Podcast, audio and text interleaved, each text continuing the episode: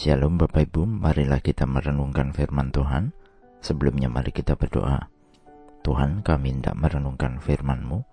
Roh Kudus pimpinlah kami. Di dalam Tuhan Yesus kami berdoa. Amin. Bacaan saat ini diambil dari Roma 8 ayat 32. Roma 8 ayat 32. Ia yang tidak menyayangkan anaknya sendiri, tetapi yang menyerahkannya bagi kita semua bagaimanakah mungkin ia tidak mengaruniakan segala sesuatu kepada kita bersama-sama dengan Dia? Kita harusnya menyadari bahwa kasih Allah itu begitu besarnya bagi umat manusia. Allah mengasihi manusia tanpa syarat, bahkan sebelum kita percaya, sebelum kita mengakui salah dan dosa kita. Allah telah terlebih dahulu berkorban bagi kita untuk keselamatan dan penebusan.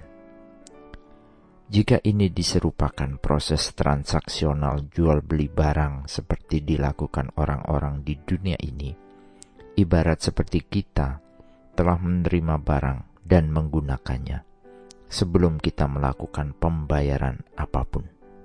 Tetapi keselamatan tidaklah sesederhana itu. Barang yang kita terima jauh lebih mahal jauh lebih bernilai dan tidak bisa dibandingkan dengan harga apa pun di dunia ini. Karena yang kita terima adalah keselamatan, pengampunan dosa, dan hidup yang kekal. Sesuatu yang tidak bisa kita ganti dengan nilai dan kerja yang besar sekalipun seumur hidup kita. Ini hanya kita bisa terima karena Allah memberikan itu kepada kita. Harga kasih inilah yang Allah serahkan untuk menebus manusia. Ia tidak menyayangkan anaknya sendiri, tetapi yang menyerahkannya bagi kita semua. Jika hal ini saja Allah telah lakukan bagi kita, maka hal-hal lain Allah akan lakukan juga bagi kita. Sayangnya, masih banyak orang yang menganggap murah keselamatan ini. Masih banyak orang yang tidak percaya Bahkan banyak orang yang mengolok-olok keselamatan yang Tuhan telah lakukan bagi kita. Matius 27 ayat 40 menuliskan, mereka berkata, Hai engkau yang merubuhkan bait suci dan mau membangunnya kembali dalam tiga hari. Selamatkanlah dirimu jika engkau anak Allah. Turunlah dari salib itu.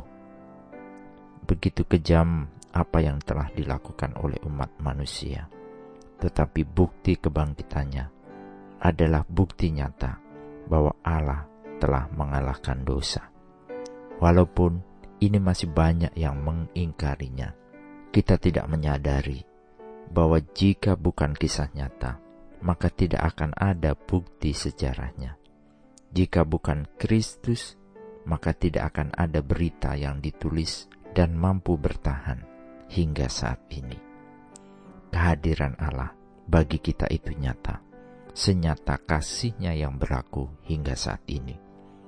Janganlah kita meragukan kasihnya yang terus menanti kita untuk kita datang kepadanya. Keselamatan itu tersedia bagi kita jika kita mau mengakui salah dan dosa kita di dalam pertobatan dan perubahan hidup mengikuti firman-Nya ia akan mengaruniakan segala sesuatunya bagi kita di dalam Kristus Yesus. Amin. Mari kita berdoa. Bapa Surgawi terima kasih untuk kasih keselamatan yang Tuhan sediakan bagi kami ketika kami tidak layak dan berdosa sekalipun. Engkau telah memberikan kepada kami Putra Tunggal Allah untuk membayar salah dan dosa kami sebagai harga pembelian untuk kami. Engkau menyambut ketika kami datang di dalam pertobatan. Terpujilah Engkau ya Allah, karena kasih yang tanpa batas dan kasih-Mu yang tidak pernah gagal bagi kehidupan kami. Di dalam Tuhan Yesus, kami senantiasa bersyukur dan berdoa. Amin. Tuhan Yesus memberkati. Shalom.